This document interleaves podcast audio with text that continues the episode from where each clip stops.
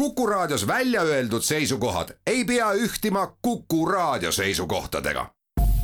Te kuulate Kuku Raadiot.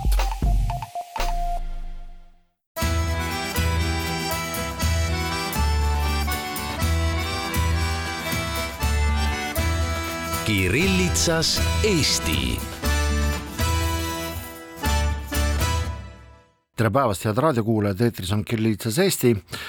meie saate formaat eeldab seda, et me räägime sellest, mis on viimase seitsme päeva jooksul olnud aktuaalne kohalikus venekeelses meedias ja üldse nagu mida vene inimesed arvavad oma elust viimase nädala jooksul. ma peaks tunnistama, et ma ei ole niivõrd intensiivset nädalat vist ammu kohanud venekeelses meedias. tõesti, juttu oli absoluutselt igal teemal ja isegi eilne ETV Plussi otsesaade Kes keda oli väga põnev ootamatult põnev, sellepärast et seal asjatundjad arutasid automaksu üle.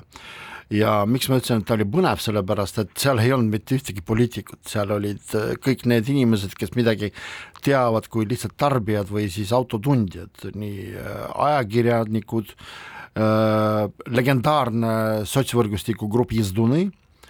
esindajad tõesti argument oli seinast seina ja mõnikord niivõrd ootamatud, et lausa oli lust kuulata, äh, sellepärast et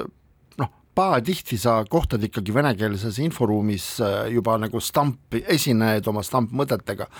aga see oli täiesti midagi väga värskendavat. ja ma arvan, et ma ei eksi, et kui ma ütlen, et noh, selle nädala võib-olla selline üks kuumim teema tuleb järjekordselt Narvast, kahjuks millest me räägime ka, et miks kahjuks, nimelt siis tuntud, ma ei oskagi öelda, võib-olla boheemlane, Vavan Kastan tekitas provokatiivse kirja grafiti stiilis, mis tekitas väga palju laineid. aga need on väikesed teemad, väike sissejuhatus teemadesse, kes meil stuudios on, stuudios on Natalja Kitam. tere! Hannes Rumm. päikselist päeva ja Narvast on meiega ühenduses ka Jüri Nikolaev, tere Jüri! tere päevast! ma arvan, et Jüri, noh jah, alustamegi sinust, alustame Narva teemast ja nii, kuidas ma ütlesin, et kahjuks ta tegi seda, mis ta tegi, ehk siis see Vavand Kastan, kunstnik, kellel on ka silmad tätoveeritud ja väga suured kõrvaaugud tehtud, et me sinuga rääkisime eelmise nädala lõpus sel teemal ja me mõlemad sinuga veel enne seda uudist, et kes seda tegi, mõlemad arvasime, et see on väga halb tegu, ükstaspuha, kes seda tegi, kes seda kes sellega hakkama sai, sellepärast et eelkõige, kui me räägime halbadest küljedes, külgedest, et siis ta tekitas järjekordselt laine, mille osas võib öelda, et Narvat hakati jälle võtma kuidagimoodi stereotüüpselt. kas peale seda, kui me saime teada, kes seda tegi, et kas äh, sa võid mingeid korrektuure sellesse arvamusse tuua, Jüri? no tegelikult võiks küll, sellepärast et äh, asi pole selles isegi, kes seda tegi, no tegelikult selles ka muidugi, et kes tegi, aga miks, miks tegi, sest ilmus välja ka põhjendus ja see põhjendus mõjus, ma arvan, väga paljudele Eesti elanikele noh, sellisena seda tegu vabandavana, et äh, ja veel üks nüanss on ka juures, et Narvas pole ju äh, minu meelest ma mäletan, millal, millal on Narvas tehtud viimati sellist eh, head provokatiivset tänavakunsti. et miks me selle versiooni kohe algul kõrvale heitsime, et noh, Narvas selliseid inimesi polnud ja järsku selgus, et on. nii et siin tõesti võib seda, seda tegu ka hukka mõista, aga samas võib leida ka vabandusi, et eh, noh, et taheti paremat, aga välja kukkus nii nagu alati. mis teie arvate, kas taheti paremat siiski või seda ei saa sinna liigitada? No ma ei oska öelda, kuidas, mida see kunstnik Kaštan tahtis, aga toon siin võib-olla teise kõrvutuse Eesti inforuumist, me mäletame, kui et viimase kolmekümne aasta kõige vastikumad ja ebameeldivamad ühiskondlikud sündmused toimusid Eestis kahe tuhande seitsmendal aastal, kui toimus nimetatud pronksiöö äh,, mille aastapäev tuleb järgmisel nädalal? määratsev rahvajõuk peksis puruks Tallinna kesklinna ja kõik see oli siis selle kuulsa pronkssõduri teisaldamise pärast ja kaks aastat hiljem üks Eesti kunstnik Kristiina Norman tegi siis mitmeosalise kunstiteose, millest kõige provokatiivsem osa oli siis Kuldsõdur, mille ta vedas äh, sinna, kus varem asus pronkssõdur, sellest tekkis tohutu pahameel, äh, kaitsepolitsei tegi talle hoiatuse, ähm, ma arvan, et äh, enamus Eesti inimestest ärritus, kuidas, kuidas võib sellise haava lahti rebida meie ühiskondlikus teaduses ja ma usun, et Kristiina Norman tegi seda täiesti teadlikult, erinevalt ma ei tea, kas Kastan tegi seda teadlikult või teadmatusest, aga kui Jüri Nikolaev mainis provokatiivset tänavakunsti, siis ka Kristiina Normani puhul see provokatiivne tänavakunst ehmat-, see taga, see mõju ehmatas ta ära, aga teiselt poolt kuu aega hiljem teatas Soome moodsa kunstimuuseum Kiasma, et ta ostab selle töö ära, et see on nii võimas ja, ja tore teos. et alati on vaat-, ilu vaate silmades. no kui me võtame seda kunstina, siis äh, minu meelest äh, halvaks või heaks äh, selle teeb meie, meie arutelu. et kuidas, kuidas meie suhtume. kas äh, mina näiteks äh, teades, miks ta seda tegi, ehk siis ta on hoopis, hoopis teisel pool, eks ju, et just äh, tahtis äh, mitte märtrina välja tulla, aga lihtsalt näidata, et kuulge, no keegi peab vabandama, keegi peab nii-öelda Vladimir Vladimirovitši nimel siin, kusjuures ta kannab ju selle nime, Vavan, eks ju, Vladimir. jah, Vladimir Vladimirovitš? et, äh, et täiesti välja astuma ta seda tegi, kas see hästi, kas on see hästi või ei ole hästi, see, kuidas ta seda seletas, no mulle ta tundus sümpaatsena ja ta julges seda teha. Ja ta julges seda teha, siin Tallinnas ta võiks, ma arvan, igal pool välja astuda. kuidas, on teine küsimus, see on nagu kunsti küsimus. Ja, ja, ja see oleks nii-öelda tema elule ohtlik. aga ma arvan, et Narvas oli väga julge samm. ma ei tahaks heaks kiita. Ma ei oska, mina ei ole ka kunstiteadlane, et võib-olla ükskord see kuskile jõuab ka mingi muuseumisse aga minu jaoks see inimene ei ole negatiivne, ta on heitunud, ta on, ta on hästi emotsionaalne, ta kindlasti on kunstnik, aga see, kuidas üks kasvõi meie sõna mõjutab ühiskonda, on raske ette, ette näha. Ja minu meelest, et see, me, me siin arutame, teised arutavad, see on jumala hea ja minu jaoks on jällegi väga hea, et just Narvas selline inimene on, kusjuures ta täna on äh, Tallinnas õhtul juba äh, mingis äh, loomingulisel õhtul. inimesed saavad temaga rääkida. no ja just täpselt sellest reaktsioonist väga nimetame moodsa sõnaga turbulentsete inimeste ja turbulentsete tegude osas me räägime peale reklaamipausi.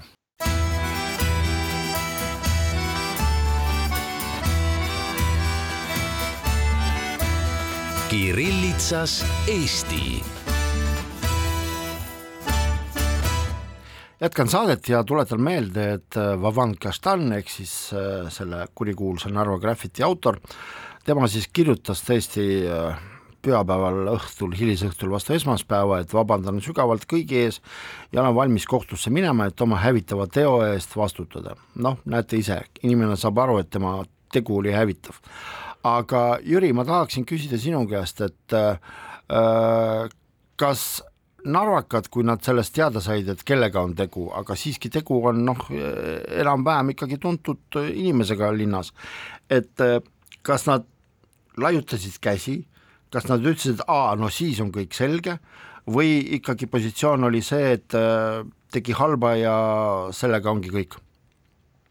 no tegelikult eh, erinevalt absoluutselt, ma arvan, et suurem osa narvakatest laiutas käsi, ütles, et noh, et selge, selle inimesega on kõik, vaadake, kuidas ta riides käib, mis tal seal silmades on, mis tal kõrvades on, et mis sellest hullust tahta. Eh, samas oleme kuulnud, et narvakad kavatsevad juba siin raha koguma hakata, et tema seda trahviarvet ära maksta, sest eh, praegu on laual ju karistusseadustiku paragrahv sada viiskümmend üks, vaenu õhutamine. Ja seal on see rahatrahv, lisaks ma arvan, et linnavalitsus teeb talle arve selle kirja puhastamise eest et äh, erinevad, erinevad vastakad arvamused. aga äh, vaata, äh, sa kindlasti oled näinud Naša Rašas tuntud sellist tegelast nagu Baradatš Mm -hmm. ehk siis selline väga humoorikas tegelane, kes kogu aeg töötab kusagil turvamehena ja kogu aeg satub igasugusse jamadesse sõna otseses mõttes ja kui politsei teda nagu kinni võtab, siis äh, lõppude lõpuks äh, esitab küsimuse, et noh, et mis sinuga teha, siis tema geniaalne vastus, legendaarne vastus on see, et panjat i prostit ehk siis aru saada ja andestada. mis sa arvad, kas ka Kastani puhul võiks äh, kasutada sedasama vastust? no mingil määral vist jah, sest äh, kui nüüd inimesed said aru, et, et, et tegemist oli ikkagi mitte äh, sellise poliitilise provokatsiooniga, vaid kunsti, vaid provokatiivse kunstiga, siis võttis see asi natuke tuure ikkagi maha ja jällegi see, see teema on, et, et ma arvan, et üsna suur hulk inimesi siin kohapeal arvab, et ega, ega tal, ega ta täie aruga ei ole. aga samas ju need aktsioonikunstnikud, nad, nad ju teavad väga hästi, millele nad, nad ju tegelikult välja lähevad. et eh, küsimus on ju selles, et nad teavad väga hästi, et nende taies või teos äh, saab olla Eh, seal kusagil välja panduna, vaid mõnel loetud tunnid, nad püütakse kindlasti kinni, kindlasti neid, neid karistatakse. no tuletage meelde selle kuulsa vene aktsioonikunstniku Pjotor Pavlenski neid taieseid või teoseid Venemaal, näiteks FSB peakorteri ukse põlema panemine, mis pidi sümboliseerima põrguväravaid. loomulikult püüti ta kinni, loomulikult sai ta karistada kohtulikult nii et see on, see on tänavakunstniku või aktsioonikunstniku saatus, aga jah, selle Vovan Kaštlaniga oli muidugi see, ta ise ka tunnistas, et ta ta ei mõelnud sellele, millise sõnumi ta eestlastele saadab ja mida eestlased sellest arvavad. tema sõnum oli suunatud just kohalikele venelastele, et vaadake, mida te tegelikult seal tanki asukohas kummardamas käite. see oli jah, seda, seda, seda viga ta tunnistas. Hannes, sina kui eestlane ma kõigepealt vaatasin, kuidas siis vene inimesed reageerivad tema käitumisele ja äh, lappasin läbi need Delfi kommentaarid selle uudise peale, et just siis see kunstnik äh, selle koletu sõnumi sinna kirjutas ja noh, enamus neist olidki ikkagi nagu Eesti kuulajatele arusaadavas keeles öeldud, et tegemist on purkisitujaga, mis sa temast ikka tahad, kommentaarid olid umbes sellised, et vaadake, kui palju pärast NSV Liidu lagu, lagunemist on igasuguseid parasiite tekkinud, või siis, et inimesed nimetavad ennast tänapäeval kunstnikuks ja arvavad, et võivad rikkuda kusagil maailmakuulsates galeriides maailmakuulsaid teoseid või rikkuda snuukeri MM-i võistlusi, aga ma arvan, et mis üks mõte või üks koht, mis pidi tema töö kindlasti õnnestus oligi see, et ta näitas, millised on inimeste eelarvamused, nii eestlaste kui venelaste eelarvamused, kui see uudis tuli selle kohta, et selline asi on sinna soditud, siis kõik me automaatselt mõtlesime, nüüd on jälle mingi ilge putinist ja vat-, äh, vatnik haaranud šablooni ja värvipihusti ja selle sõnumi sinna kirjutanud. selgus, et hoopis vastupidi, et tegemist on antiputinistiga, aga see provokatsioon tõi välja sellise automaatse refleksiivse äh, stereotüübi, mida me kõik oma peas kanname. täpselt, ja see stereotüüp ei ole ainult temaga seoses, vaid tegelikult äh, nii, kuidas ma ütlesin enne reklaamipausile minekut, et me Jüriga arutasime, et see tõi endaga siiski kaasa selle laine, et Narvast hakati jälle mõtlema nii, kuidas mõeldi. Natalja, vot kas, kas seda saab siiski nagu kuidagimoodi andestada või aru saada sellest, et tegelikult ta tegi halba selle aktsiooniga? no mina küll mõtlen praegu nende peale, kes hakkavad raha korjama ja ma arvan, et need on need, just, väga hea, need on need, kes on antiputinistid, et need putinistid ei saaks raha korjata selleks, et see, see trahv ära, ära maksta. ja minu meelest see nii-öelda päris ak-, see on hästi aktiivne, hästi julge samm. et äh, mina jällegi, vabandust, psühholoogina ei saa inimest, kes arvatavasti ei ole noh, päris äh, äh, teovõimeline hukka mõista. aga samas ütlen, et me, kui me rahulikult reageerime, ehk siis meie oleme täiskasvanud ja normaalsed inimesed ja, ja saame edasi minna, et äh, ma arvan, et me võiksime lihtsalt edasi minna, tõesti. minu jaoks eelmise aasta huvitavamaid kogemusi oligi just Narvast, käisin kuu aega pärast tanki teeseldamist Narvas ja läksin laupäeva õhtul siis sinna kohta, kus see tank oli olnud ja see oli üks eriskummaline rituaal, mida ma seal ko-, kogesin, et seal oli umbes viiskümmend, kuuskümmend Narva inimest, nad käisid siis eelmise aasta sügisel seal veel igal õhtul, äh, nad siis panid sinna küünalde mere, kui hakkas hämarduma, küünaldes siis kirjutati venekeelne sõnum, et mälestus on igavene, tehti selline tankipilt, siis pandi ühest äh, auto, ühe auto kõlaritest kõvasti mängima selline äh, moodne sõja, venekeelne mm, sõjateemaline muusika, lauldi kaasa, hoiti kätest kinni, moodustati selline energiaring ja see jättis nagu sellise äärmusliku usukoguduse mulje. Mind huvitabki, Jüri, et kas need inimesed käivad seal siiamaani koos ja et kui rääkida Narva mainest, siis ma arvan, et need inimesed, kes seal pärast tanki teisaldamist koos käisid, et tõenäoliselt ikkagi Narva mainet rikuvad pigem nemad, mitte see provokatiivne kunstnik, kes siis lihtsalt taasteadvustas ühe probleemi no ma pean ütlema, et need inimesed käivad seal ikka veel koos, kuigi vist mitte just kuuskümmend inimest, aga noh, ilmad lähevad soojemaks ja üheksas mai on ka, on ka ees, aga see oli ka üks, üks ajend, miks Vovan Kaštan, kes sealt iga päev rattaga mööda sõidab, seda, selle, selle, selle nüüd loosungi sinna kirjutas, et ta nägi neid inimesi pidevalt küünalde ja lilledega. ja äh, asi muutub aina imelikumaks, sest varsti möödub tanki teisaldamisest aasta, seal lilled ja küünlad põlevad ikka ja kohalikud ütlevad niimoodi, et kuulge eh, omaks ei leinata nii kaua kui seda tanki, lõpetage ükskord ära juba aga kuule, kui sa juba läksid äh, seda teed pidi, et me räägime asjadest, mis on seotud äh, eelseisva üheksanda maiga, ütle palun, kas äh, see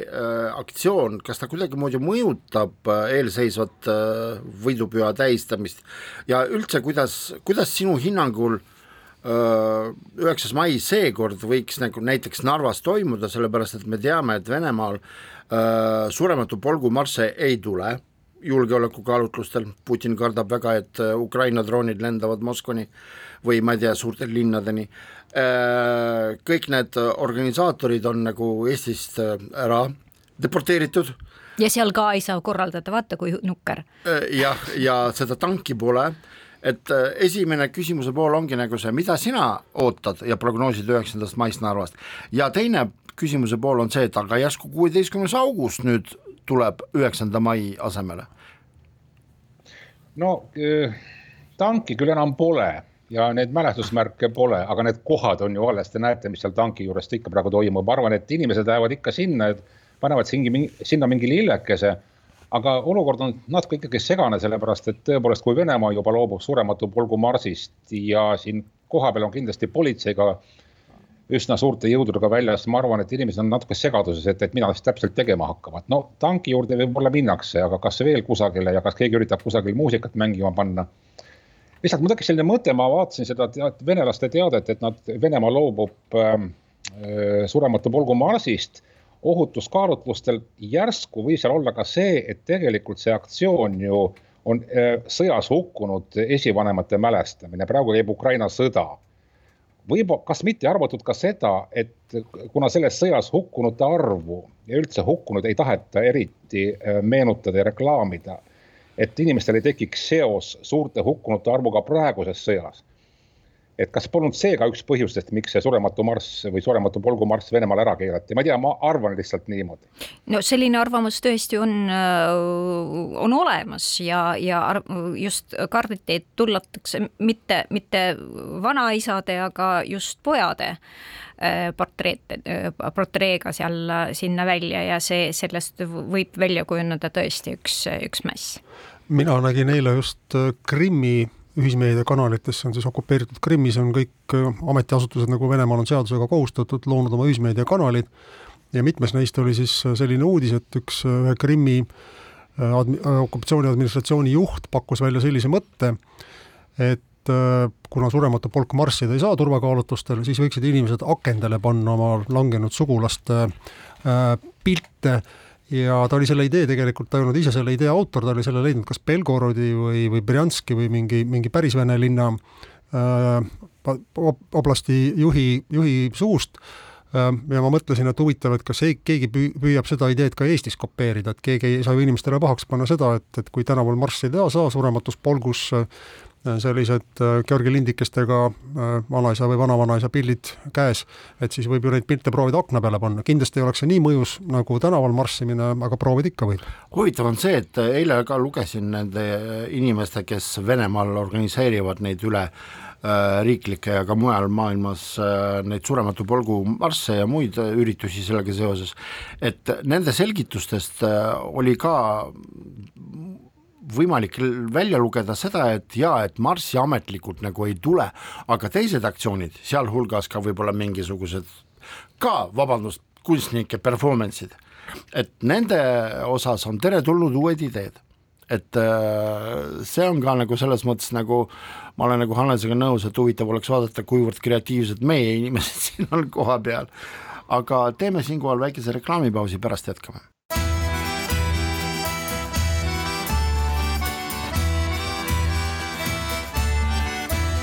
Kirillitsas Eesti. jätkame saadet, stuudios on Hannes Rumm, Natalja Kitam ja Jüri Nikolajev on meiega hommikupoolikus saates Narvast, et äh, ma tahtsin natukene teid provotseerida, et äh, võtame sellesama Vuvan Kastani, aga kõrvutame teda nende tegelastega, kes eelmise aasta jooksul olid noh, ütleme niimoodi ka oma äh, Äh, protesti vaimus midagi teinud sellist, mis nagu kõigepealt ühiskonnale nagu ei läinud peale, pärast hakati võib-olla natukene teistmoodi mõtlema. esiteks on seesama noormees, kes Aleksandr Nevski katedraalidele, katedraalile aprillikuus vist, kui ma ei eksi, eelmisel aastal sodis midagi siis tuleb välja, et oli ka endise Riigikogu saadiku Vassiljevi poeg, kes pronksi sõduri kallal natukene seal Nazovkaga metallisaega tegutses et ma mäletan, et äh, minus vähemalt kui ajakirjanikus tekitas niisugusi äh, kummalisi mõtteid, kui ma nägin, et nende inimestega on tehtud sellised suured materjalid teemal, et no et üritagem neid mõista, üritagem neid kuidagimoodi, ma ei tea, lahti mõtestada, et asi ei ole niivõrd ühene, et äh, ja Jüri, ma panin tähele, et näiteks üks äh, Narva väljaanne, äh, mille, kus kohas töötavad enamuses naisterahvad, et nemad panid oma pealkirjaks, et sellise kuidagimoodi avastuse või avastuse, et kunstiline performance oli võetud kui provokatsioon et ma tahtsingi sinu käest, Jüri, küsida, et aga milline tegelikult peaks olema see ajakirjanduslik reaktsioon, et kas me taunime, üritame aru saada nendest või nagu Bahadatši puhul miks ma R-i niimoodi põlistasin, sellepärast et see tegelane niimoodi teebki oh issand, no ma ei tea, mida sulle vastata, sellepärast et äh, ajakirjanikena peame rääkima asjast nii nagu on ja näitama seda pilti, mis on, aga äh, need arutelud, mis järgnevad, et kas tal oli õigus või mitte õigus, no, no tõepoolest ei tea, see oleneb juba ajakirjanikust ja tema, tema enda lähenemisest mm.. sest vaadake, see sodimise asi, äh, kui keegi sodis seal õigeusu kirikut ja pronkssõdurit, no siis Van Kastan sodis parkla seina. see on juba nagu üks teine et teine asi, aga no loomulikult äh, ütleme, kui õigusriigi seisukohast lähtuda, siis äh, peame andma sellele siis kõigepealt seadusliku hinnangu, no praegu on see vaenu õhutamine, võib-olla see muudetakse ära huligaansuseks. ja siis vaadata, mis sellest edasi saama hakkab, sest ju kui tegu on tehtud, peab tulema ka siis ka karistus. aga siin on muidugi kaalutluse koht, et kas me karistame täie rauaga või siis mööname, et tegelikult oli poisil võib-olla isegi õigus ja, aga samas sein oli soditud, samas üleskutse oli olemas no anname talle siis mingi rahatrahvikese, ma ei tea, see on kaalutluse koht, mida me teeme selliste inimestega.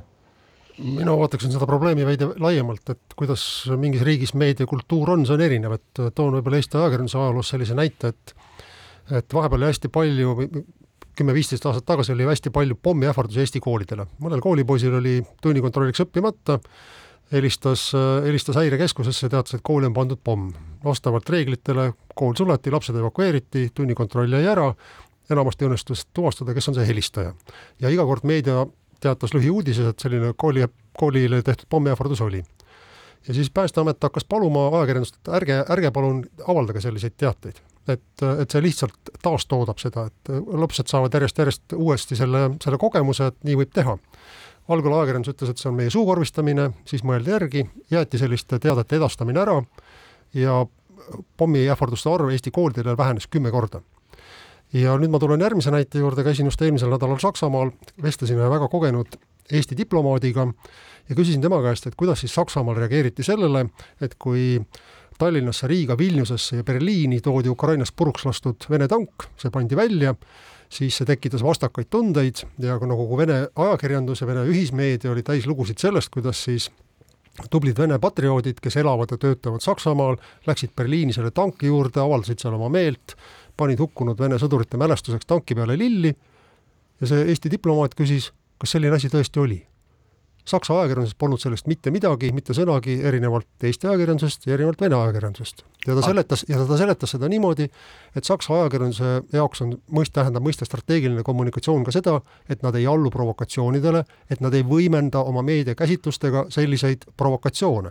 et tõepoolest, kui järele mõelda, võis ju olla väga lihtne Venemaal mobiliseerida Berliinis elavad, ma ei tea, kolmkümmend või viiskümmend äh, Vene kodanikku,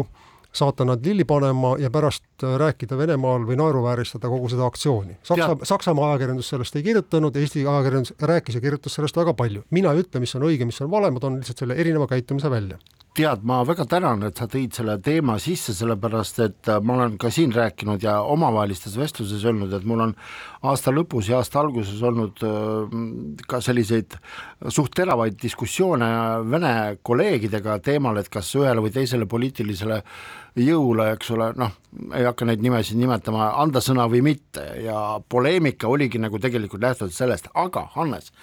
seoses sellega ma pean sinu käest küsima. Ühte küsimust, mida sa tead, aga vastust ei ole mulle välja öeldud ja ma arvan, et see on ka raadiokuulajatele huvitav ja ma arvan, et Jürile ka huvitav ja Nataljale ka, et sina oled oma ajakirjandustöös keskendunud nõndanimetatud äh, putinistide, putinistide intervjueerimisele, noh, üld stereotüüpina võetes ja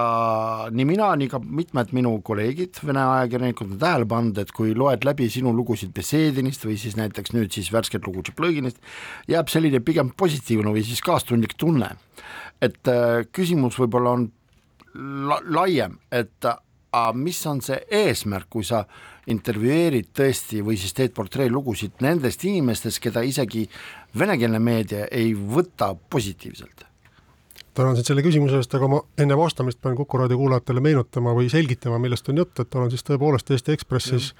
äh, erinevatel aegadel vestelnud Oleg Bessediniga, kes on üks tuntud, üks ma arvan, kõige mõjukam kuju Eesti venekeelses infoväljas, sest ta on administ-, administreerib gruppi Facebooki gruppi Tallinnas. see, et ta administreerib, ei tee temast mõjukat. kus, kus on siis üle viiekümne tuhande inimese, märksa rohkem, kui on enamusel Eesti venekeelsetel meediakanalitel kuulajaid ja vaatajaid. Ja see, kuidas Bessedin seda meediagruppi ja selle sisu manipuleerib, ma arvan, on, on, teeb temast väga mõjuka tegelase, palju mõjukama kui mõne formaalse ajakirjandusväljaande peatoimetaja, venekeelse ajakirjandusväljaande peatoimetaja seda on. ja, ja Aleksandr Tšaplõgin, keda sa mainisid, astus just eelmisel nädalal ametisse Riigikogu liikmena Keskerakonna koosseisus ja just soovitan siis Kuku raadio kuulajatel vaadata viimast Eesti Ekspressi numbrit, kus on siis lugu Aleksandr Tšaplõgin, kas kõige Kremli-meelsem Riigikogu liige, küsimärk. ja kui sulle ja sinu kolleegidele on jäänud mulje, et minu käsitlused Tšaplõginist ja Bessedinist kuidagi näitavad neid äh, heast, heast küljest, siis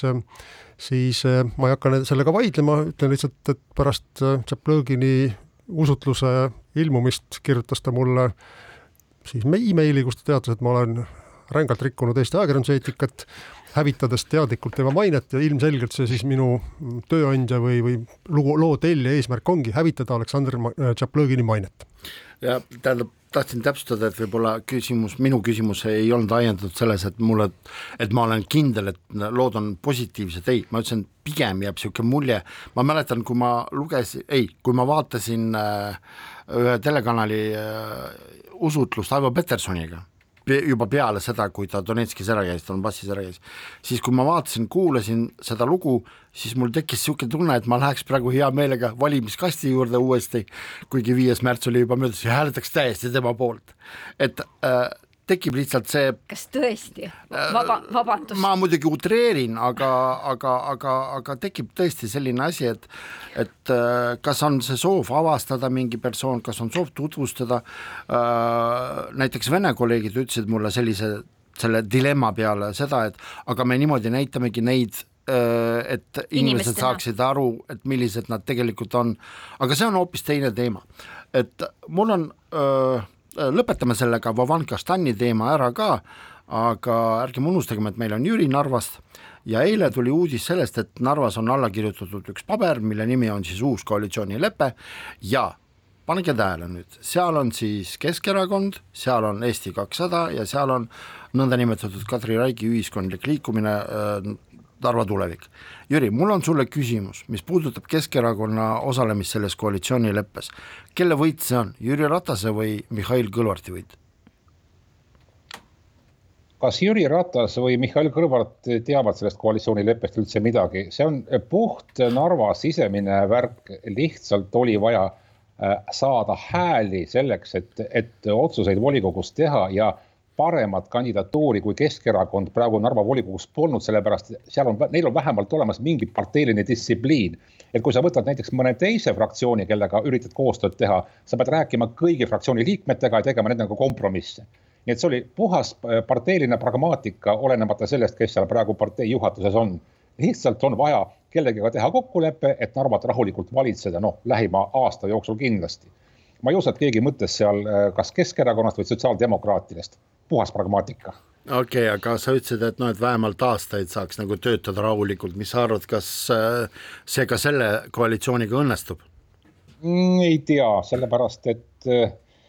no tavaliselt on Keskerakond väga viisakalt käitunud kõigis Narva koalitsioonides äh, teatud aja ja siis alles, aga mingil hetkel lööb ikka see Narva keskerakondlikkus välja, see tähendab seda, et hakatakse vaikselt võimu üle võtma ja üle tirima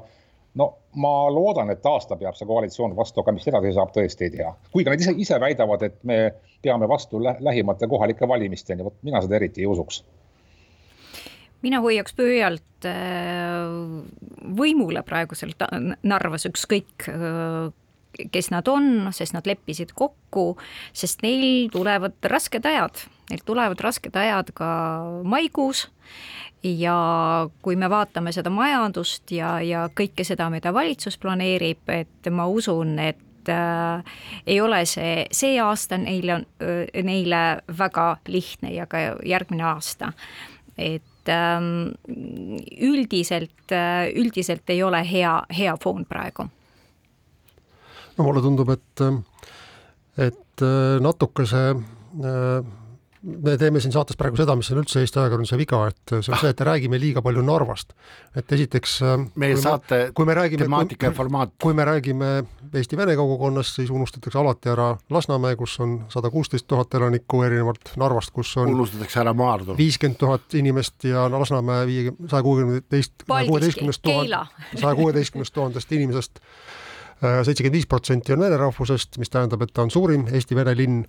ära unustatakse ka Maardu, Kohtla-Järve, Sillamäe ja see ongi natukese see Narva problemaatika, et nad on hästi üleval ja kui me praegu räägime ka sellest, et Narva volikogus on mingid rahutused, siis unustatakse ära need üdini Eesti linnad ja asulad, kus volikogud on veel rohkem katki, kui nad Narvas on. et see, see natukese aitab kaasa sellele, see Narvast liiga palju rääkimine, et Narvat teadvustatakse Tallinnas ja mujal Eestis Äh, probleemina su, suurema probleemina, kui ta seda tegelikult on ja unustatakse ära need kohad, mis on täpselt sama problemaatilised, nii sõltumata sellest, kas elanikud on eestlased või venelased. aga teeme siinkohal reklaamipausi, pärast jätkame.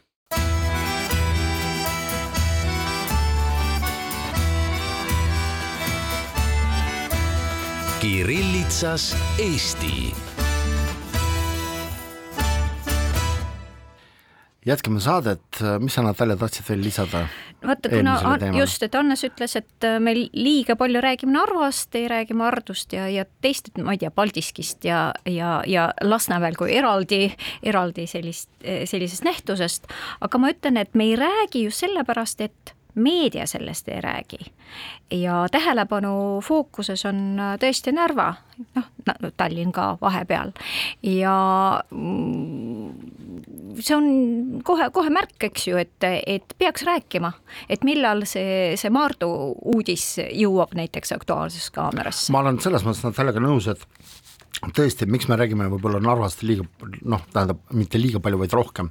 Äh, meil on tõesti sellesama, ma mõtlen ajakirjanikel on Katri Raigi näiteks telefon olemas, meil on teiste Narva tegelaste, sealhulgas Stalnuhhini, Lartšenko, Vadim Marlovi telefonid kõikidel olemas kui rääkida näiteks Maardust sellest samast, eks ole, siis jah, meil on olemas Diktirenko, Nikolai Diktirenko, kes on praeguse linnapea Arhipovi kõige suurem oponent, tema number on küll olemas ja tema, tema tuleb hea meelega alati rääkima oma mantrat, aga Arhipovi suust me ei kuule mitte midagi sellepärast et ta eriti ei harrasta nagu meediaga suhtlemisest, ainult siis, kui on vaja midagi positiivset öelda.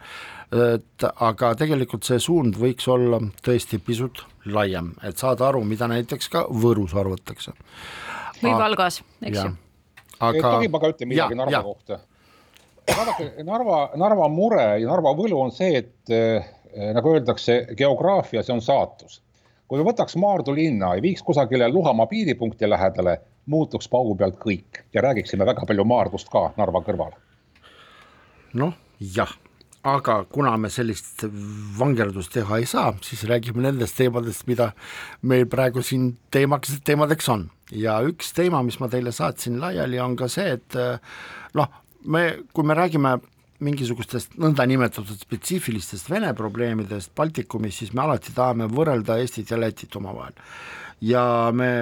teame, et Lätis on olukord äh, selline, et äh, on asi läinud väga teravamaks, äh, sealhulgas ka näiteks, et kui sa ei tee eesti keele äh,, läti keele eksamit no, ära. oleks küll hea eesti keel ka sinna panna. jah, et siis sa võid, vaatamata sellele, et sul on alaline elamisluba, sa võid ka riigist lahkuda mitte omal soovil, aga see on noh, see on veel tegelikult segane, aga äh, vähemalt Läti teatas sel nädalal, me saime teada, et ta ei võta Venemaalt vastu neid, kes sealt riigist põgenevad äh, riigi korralduse eest, et mitte sattuda sõjaväkke ja mitte minna sõtta Äh, et nemad võtavad neid vastu. hakkasid vastu võtma? ja, ja Eesti teatas, et nemad seda mitte mingil juhul ei tee. et äh, kellel on rohkem pragmaatikat, kellel on rohkem humaansust?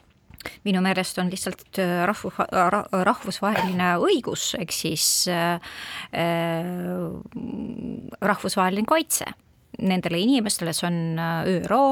rahvusvaheline kaitse nendele, kes, kelle, kellele elule ja tervisele äh,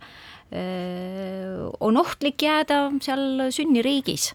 ja noh, mina lähtuks sellest eeskätt. aga ma usun, et Eestil on oma kaalutlused ja see piir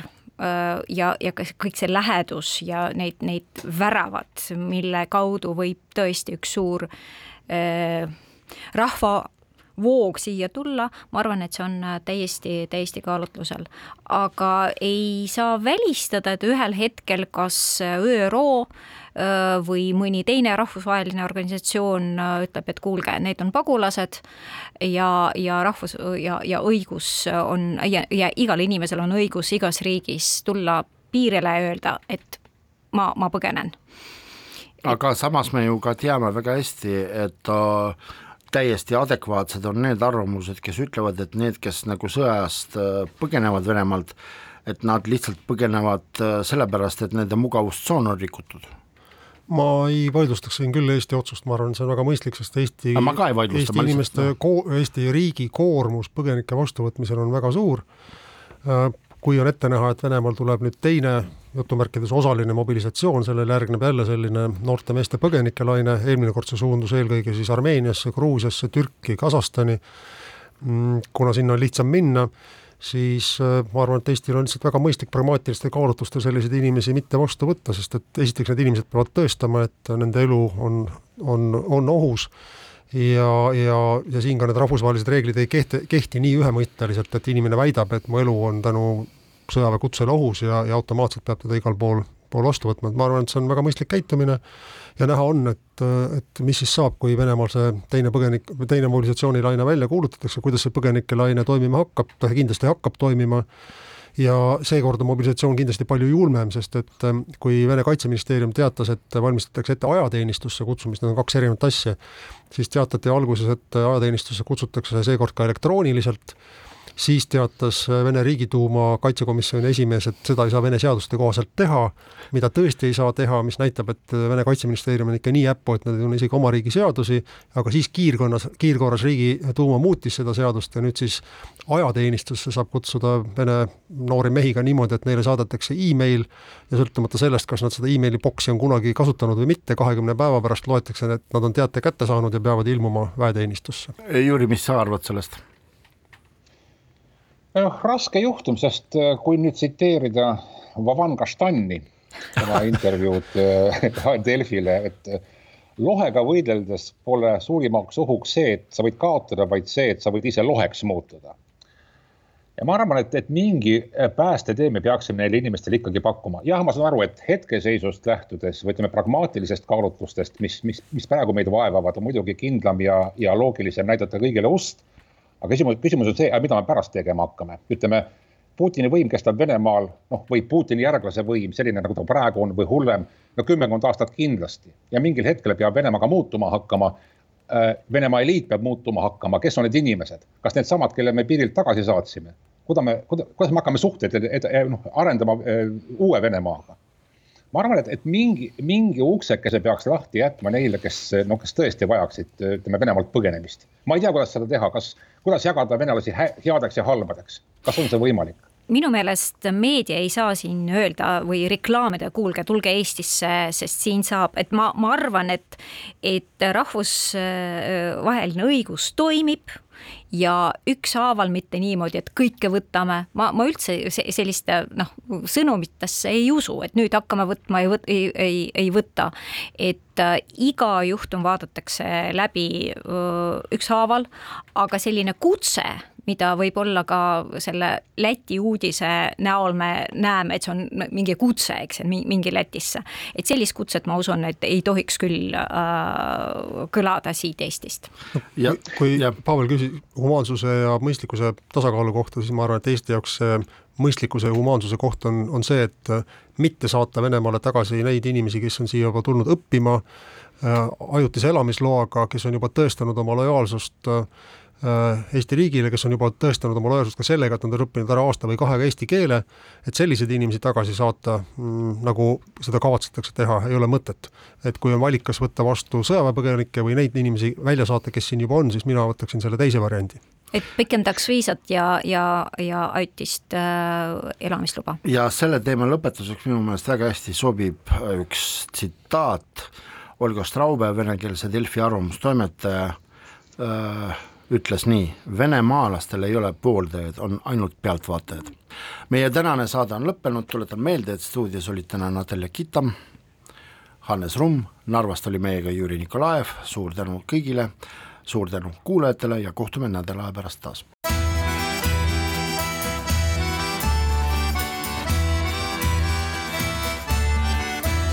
Kirillitsas Eesti